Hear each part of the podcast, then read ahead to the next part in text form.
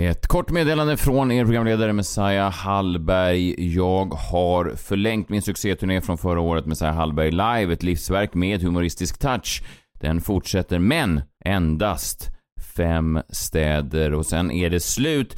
Men, stora nyheter den här gången, inga märkliga städer, förutom kanske Gävle då. Men jag är live i Göteborg 29 november på Stora Teatern, 6 december Jönköping på Teatern, 7 december Stadsteatern i Lund, 15 december på Teatern i Gävle och sen avslutar vi allt med stor tv-inspelning 17 december på hemmaplan Stockholm Cirkus. Köp era biljetter på kalo.se slash Hallberg live eller så finns alla biljettlänkar på alla mina sociala medier. Vi ses i höst. Nu tillbaka till vårt ordinarie program.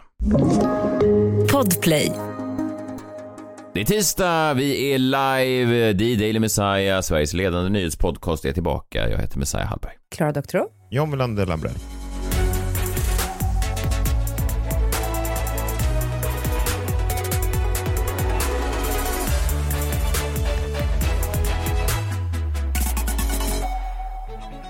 Hej, hej, hemskt mycket hej. Hoppas ni mår bra. Eh, Vi är på olika platser, mår ni bra? Ja, men det är bra. Det är faktiskt helt okej, eh, måste jag säga. Jag har klarat mig undan den där magsjukan som drabbade resten av familjen. Vi har nu, tror jag, lokaliserat det till en sån här påse med äppelbitar. Jag vågar inte säga vad det är för kedja, för då kanske jag blir stämd för förtal. Men till en snabbmatskedja. Ja, jag har också lyckats hålla mig undan eh, att få slutet på tv-serien Succession spoilat. Jag vill inte ha några spoilers från er nu, John och Klara, om ni har sett någonting. Jag vet inte riktigt vad som gäller där. Det finns ju lite regler kring det här med tv-serier. Succession-slutet vet ni, säsong 4. Den kanske mest omskrivna, i alla fall bland kulturskribenter och Sara Larsson, konstigt nog. Just Det var skaver i mig. Hon kanske har superbra tv-smak, det vet jag inte, men Hon spoilade ju också ett avsnitt tidigare Ja, jag vet. Och det gjorde Alex Schulman också på DN. Alltså det går inte att... Succession man måste man se direkt, annars är det kört. Du måste se det direkt. Ja, jag, jag, jag vet, men jag har ändå lyckats, alltså det är lite olika med det där, för att det finns ju sådana här regler ibland som dyker upp på olika, ja men det är väl en sån här, någon slags kulturell, eh, vad ska man säga, hur man för sig nästan i, i dagens samhälle. Vett och etikett, vad hette hon som dog som alltid visste vad man skulle göra? Margareta... Margareta Ribbing. Mag Magdalena Ja. Ribbing. Magdalena. Magdalena Ribbing, ja. Just det. Det känns som att hon skulle kunna ha en take på det och då är det väl egentligen sagt vad gäller om någon, det är ju det nya då i parförhållande istället för att ligga med varandra så ligger man och tittar på tv-serier och då eh, kanske man ligger bredvid varandra och om den ena somnar då, hur länge är då kutym att man får titta, får den andra titta klart avsnittet och sen måste stänga ner datorn? Eller är det, eh, kan den andra titta på tills den somnar? Eller måste, vissa har ju väldigt strikta regler att man direkt måste stoppa. Det blir nästan en otrohetssituation om någon somnar och sen har den andra sett klart hela Game of Thrones. Ja, La DN ner sin, eh, den där etikettfrågespalten när hon dog? Alltså det var bara hon som kunde etikett då i hela, i hela Sverige. Det är liksom, man litar inte på någon annan. Ja, mig skulle man kunna lita Ja, fast du är redan på. inne i en annan DN-spalt och havererar. Så du får ta det lite lugnt. Du kan inte vara i alla deras spalter. Nej, det är ju en dröm. Just nu är jag ingen, men jag försöker jobba mig in i alla samtidigt. Då är det det som har drabbat mig nu och det är att min, min tjej plötsligt har sagt att hon...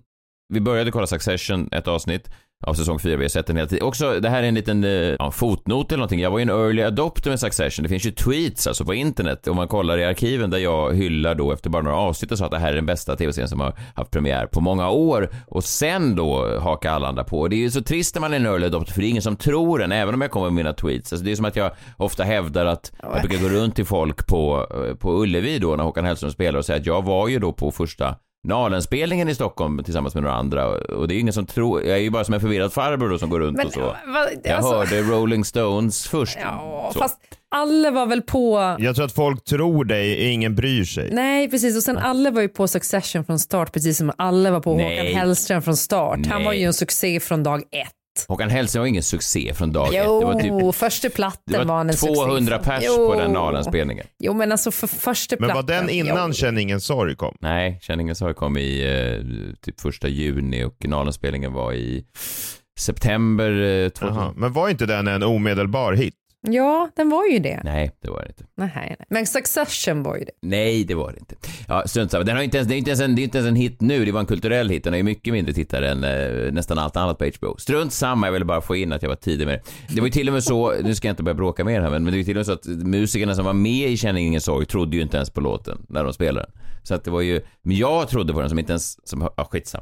I alla fall, då eh, har vi sett den fram till, eh, vi såg ett avsnitt i säsong fyra och sen av någon händelse så slutade vi titta på tv-serier. Jag vet inte, vi har börjat jobba med, vi jobbar med ett annat projekt och så var vi liksom ganska trötta på varandra så vi ville inte, ja vi, vi, vi umgicks inte så mycket förutom när vi jobbade ihop. Och då pausade hon det. Så att då har ingen av oss kunnat titta på det och det har varit väldigt svårt och folk, så då som Sara Larsson har spoilat det under tiden. Och nu har jag liksom antytt för min tjej att nu när sista avsnittet någonsin då faktiskt ligger ute så kommer inte jag kunna hålla mig längre och då kommer jag bryta den här överenskommelsen vi har. Men det tänker jag är okej, för jag menar hur länge kan hon hålla på och pusha det här? Alltså vad ska vi vänta på? Nej, men jag, jag förstår det, henne i det där, för jag tror att jag är hon ganska ofta, att jag håller min man gisslan i tv-serier som jag liksom lite sådär eh, tappar geisten för. Och sen så slutar jag titta och så hindrar jag honom och jag, jag liksom kopplockar honom på något konstigt vis. Så han inte heller får se klart. Så slutar det alltid med att han hotar och så måste jag tvinga och se ikapp. Och det händer faktiskt nu med Succession. Eh, Men jag har inte sett sista avsnittet ännu. Nej, precis. Men jag kommer i alla fall nu, jag har sagt som ett ultimatum så att om du inte släpper till så att säga så kommer jag börja se mig om. Eller ja, det är inte riktigt så. Alltså, det, Det nya släppa till. Det är det nya släppet till. Fan har du huvudvärk igen älskling? Skulle ju kolla nu på episod 7. Men var du alltid så trött? så är det ju verkligen att hon säger så, jag är lite trött ikväll, kan vi, kan vi skjuta på det? Kan vi inte bara ha sex istället? Du har inte fått ligga ligga så somna? mycket på hur länge som helst. Otroligt. Jag är inte säker på att jag orkar åtta timmars eh, finansdrama just nu. Kan vi inte bara ha ett snabbt Kan vi inte samlag? ha vårt vanliga fem minuters samlag? Ja, vi får se. Jag ska i alla fall börja. Men det blir fint. Inga, inga spoilers från någon, då blir jag tokig. Ja, men och sen också Sara Larsson. Det är möjligt att hon satt där sedan dag ett, men det, jag vet inte varför hon har blivit en symbol för någonting. Det har liksom spritt sig till, skitsamma, hon är säkert, hon har säkert kanon. Jag ska, jag ska DMa henne och fråga om hon har, har några andra bra serietips. Eller är det creepy kanske?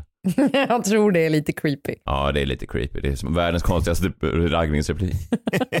alltså jag slidar in i, i DM som frågar så om serietips. Har du någon serie att tipsa om eller har du ont i huvudet? Jag tror också att generellt som äldre medieman så ska man hålla sig ifrån yngre hit mediekvinnors eller popstjärnors Instagrams.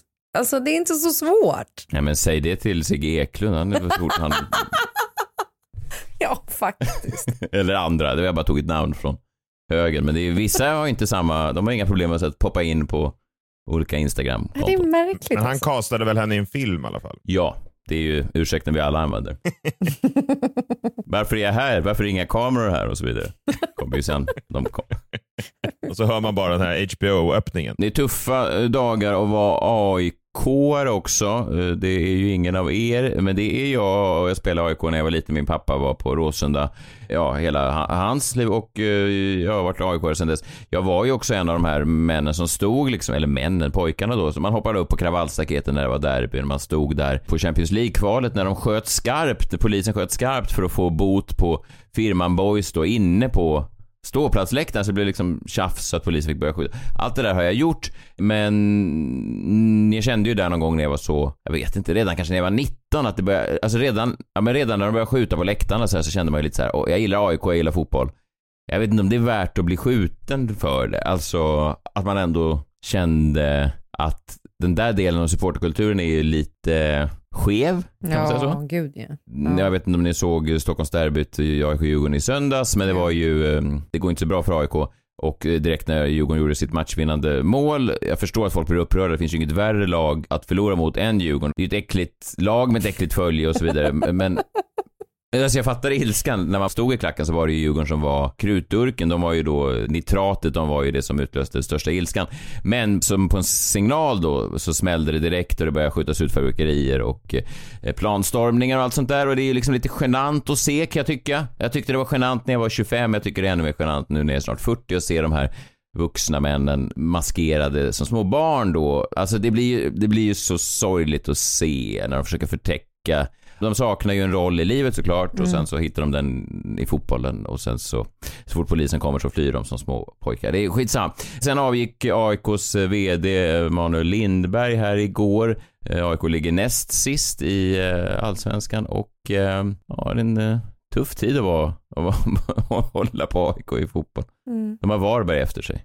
Ja. Men annars är de sist. Nej men det är en tuff tid bara och eh, det varit intressant att följa bara på Twitter vad folk använder för på Twitter finns ju då några av de här som påstod sig vara planstormarna, några av de som tyckte att det var vettigt att skjuta fyrverkerier ut. Och de menar ju då att det är de som är de riktiga fansen och de övriga 20-30 tusen på plats är inte riktiga fans, alltså de har inte samma passion och sånt där. Så de misstar ju då våld för passion och sånt där. Mm. Niklas Strömstedt gick ju ut, sångaren, det är också konstigt på tal om att Sara Larsson är lite apart i Succession. Jag tycker alltid det är konstigt när Niklas Strömstedt så uttalar sig inom fotboll. Jag fattar att han kan fotboll och är en stor AIK. Det är ändå speciellt när kändisar bara dyker upp sådär. Att man är så... Men är det hans då, när vi gräver guld i USA, kapital som gör att han kan uttala sig trovärdigt i den frågan? Eller är det, alltså, det har nog någonting med saken att göra? Nej, han står ju alltid på läktaren. Alltså han är ju en trogen Ja. AIK-are.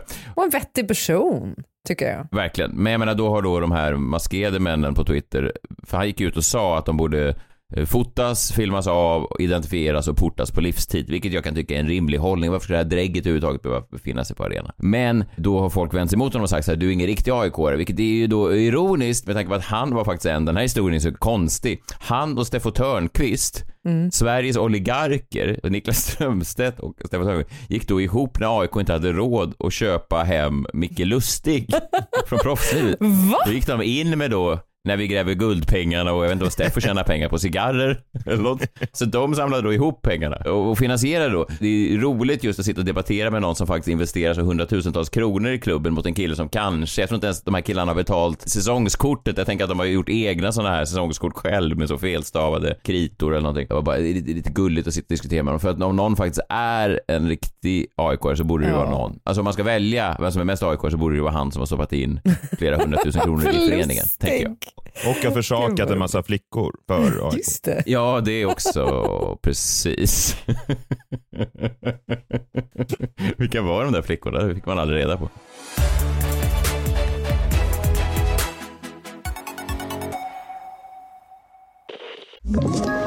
Ett poddtips från Podplay. I fallen jag aldrig glömmer djupdyker Hasse Aro i arbetet bakom några av Sveriges mest uppseendeväckande brottsutredningar. Går vi in med hemlig telefonavlyssning och, och då upplever vi att vi får en total förändring av hans beteende. Vad är det som händer nu? Vem är det som läcker? Och så säger han att jag är kriminell, jag har varit kriminell i hela mitt liv men att mörda ett barn, där går min gräns. Nya säsongen av Fallen jag aldrig glömmer på Podplay.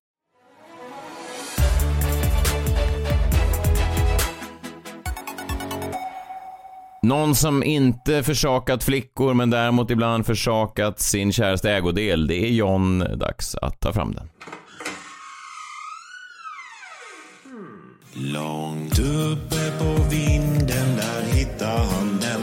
Det var en tombola, han sa fint att se dig min vän. Han gav den ett namn och den öppnade sig. Det blev en jag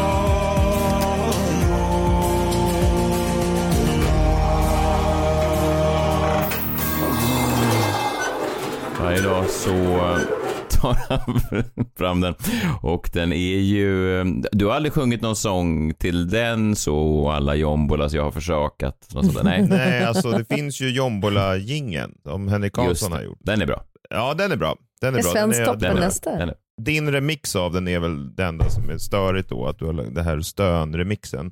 Som ju inte kommer inget- från Henrik Karlsson har jag förstått. Jag frågade honom rakt ut och han har bekräftat att det är Messiah som stönar i slutet. Så Nej, där råder nej. inga tvivel längre. Nej, nej. Jag låter ju inte så när jag stönar. Jag låter ju mycket mer... Du, jag har hört hur det låter när du tittar på tv-serier. Varför tror du inte Kristina vill titta på serier längre med dig? Vad står det på lappen idag? Kvinnor som pratar, står det på lappen. Aj då. Det gillar du inte brukar du säga.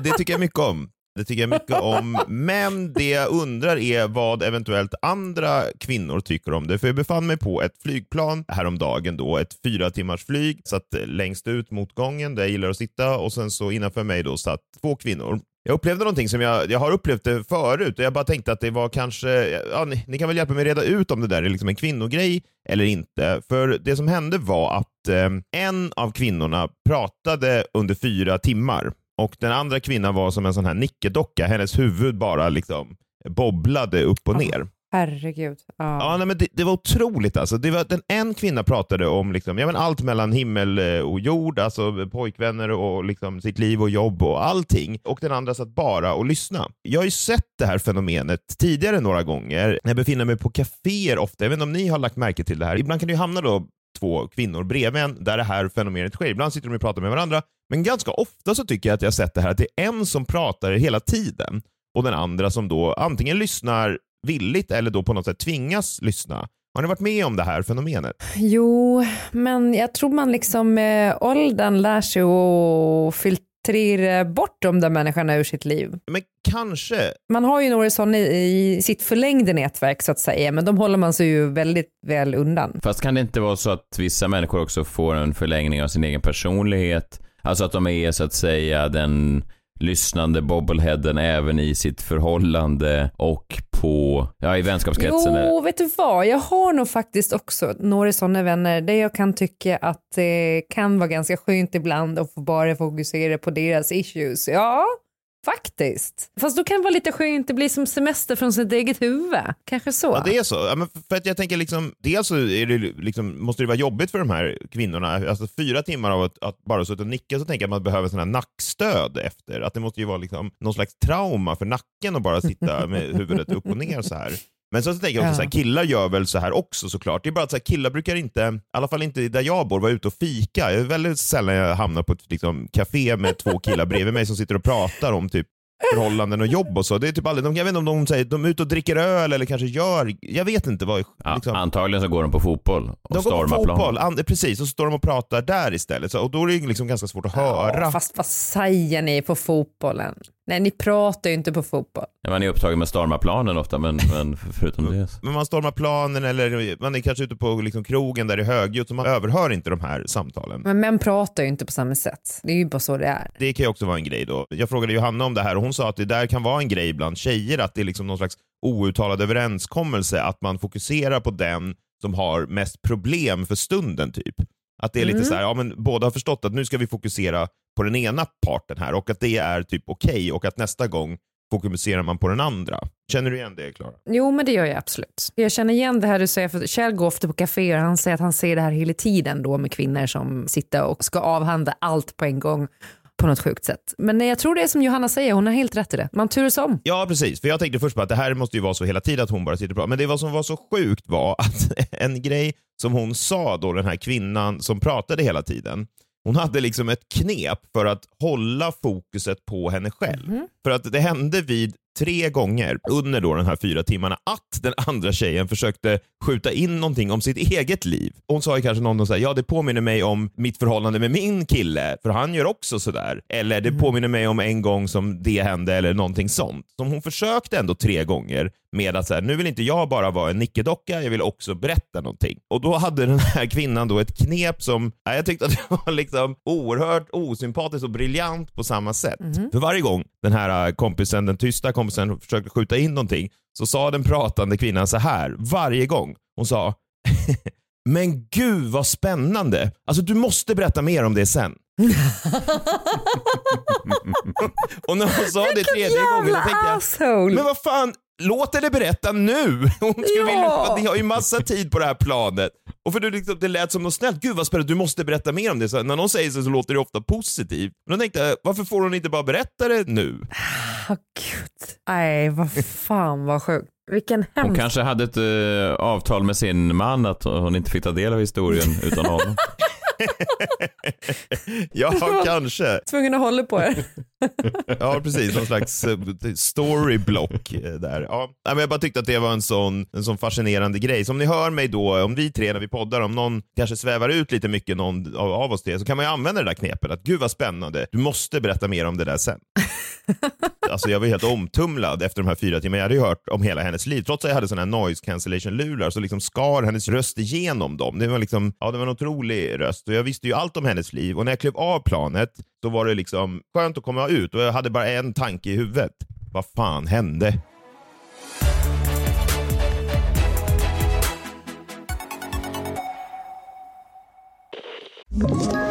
Ett poddtips från Podplay.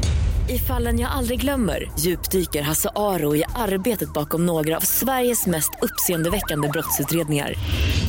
Går vi in med hemlig telefonavlyssning och, och då upplever vi att vi får en total förändring av hans beteende. Vad är det som händer nu? Vem är det som läcker?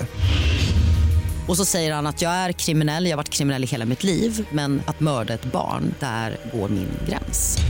Nya säsongen av Fallen jag aldrig glömmer på Podplay.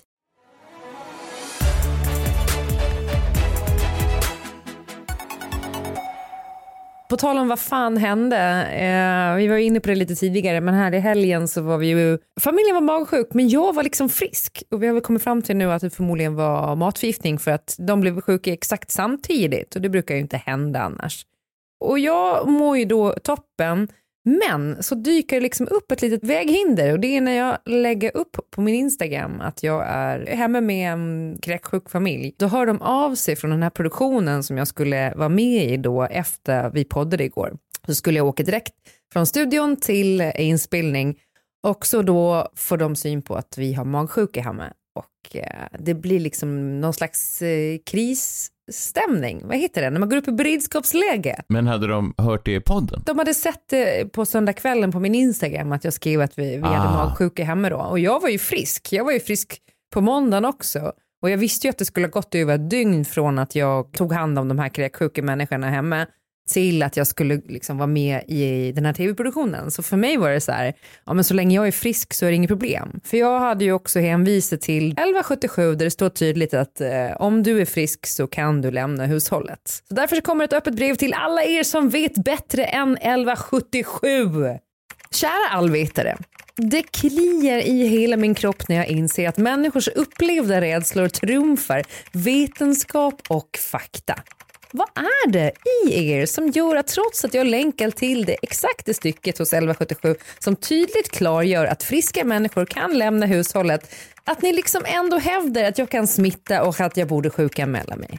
Det har dessutom gått 36 timmar sedan någon i familjen visade tecken på sjukdom.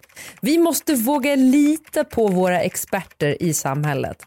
Annars behöver vi ju inga experter. Då kan vi lika gärna vara får och getter. Läs på för fan. Bä! Allt gott, Klara. Ett argt brev. Men vad fan, jag blir så jävla så, så efter covid, vad är det med det där? Ja, nej, men vad då? Du kan ju bära smitta ändå. Jag är frisk. Jag är frisk.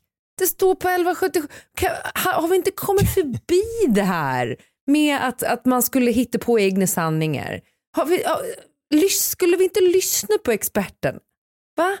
Är det inte det vi har lärt oss? Att det finns vetenskap av en anledning. Och så länge jag inte kräks eller mår dåligt så kan jag väl göra vad fan jag vill. Ja, ja jag tycker det. Det är vad jag tycker i alla fall. Så jag bara, ja, ah, blir tokig av att det ens blev en grej liksom. Men, men ja, jag kan ju också förstå att folk är rädda för att bli smittade. Det, jag köper ju det. Men vad fan, jag bär ju liksom inte på hiv med blödande sår här. Nej. Jag var ju lite, antydde ju lite där, eller när du sa att du var magsjuk så sa jag, ska vi verkligen stå i samma studio? Du sa, det där låter jättespännande, jag vill höra mer om det sen. Så kom du ändå in. Ja men vad fan, jag har ju varit frisk hela tiden.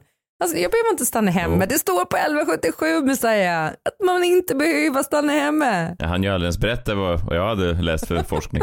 Åh herregud, läs på. Ja, nu går jag in här på, ja men här, nu är det ju spoilers här. Nu var jag inne på Sara Larsson först, eh, Succession, Time for Succession Finale. Och nu går jag in på Alex Schulman här, då står det det är helt otroligt. Jag filmar av skärmen så säger jag, nu rullar vignetten för sista gången, nu tar det slut. Jag är mest ledsen. Jag vet. För jag är rädd att jag aldrig kommer få se något lika bra i livet. Hur ska någon kunna göra något som känns lika sant en gång till? De två är de stora spoilerparet. När det, slida in i DM och skriv, in. Ja, Ja. skriv, gud vad spännande, du måste berätta mer om det sen.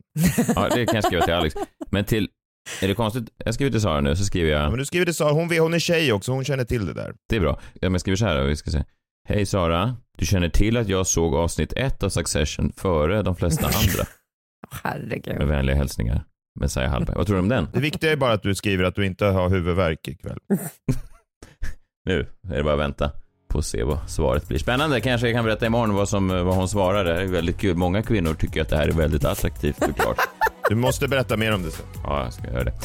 Gud vad spännande. Ja, men vi ehm, eh, hörs imorgon då. Ja, det gör vi. Ja, men det gör vi. Nu ska jag gå och gömma mig för att undvika spoilers. Det är otroligt, de lägger liksom upp, man kan inte... Ja, det är... Ja, ja. ja. Hej, hej. Hej!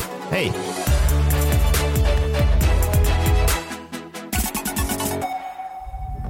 Podplay, en del av Power Media. Ett poddtips från Podplay. I fallen jag aldrig glömmer djupdyker Hasse Aro i arbetet bakom några av Sveriges mest uppseendeväckande brottsutredningar. Går vi in med hemlig telefonavlyssning och, och då upplever vi att vi får en total förändring av hans beteende. Vad är det som händer nu? Vem är det som läcker? Och så säger han att jag är kriminell, jag har varit kriminell i hela mitt liv men att mörda ett barn, där går min gräns. Nya säsongen av Fallen jag aldrig glömmer på Podplay.